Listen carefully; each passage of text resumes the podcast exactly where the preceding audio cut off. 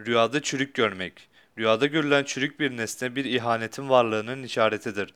Mesela bir kimse rüyasında çarşı pazardan aldığı herhangi bir şeyin, yani bir meyvenin, bir zeplenin, bir yiyeceğin eve geldiğinde çürük olduğunu görse bu rüyası onun bir ihanetle karşı karşıya kaldığını işarettir.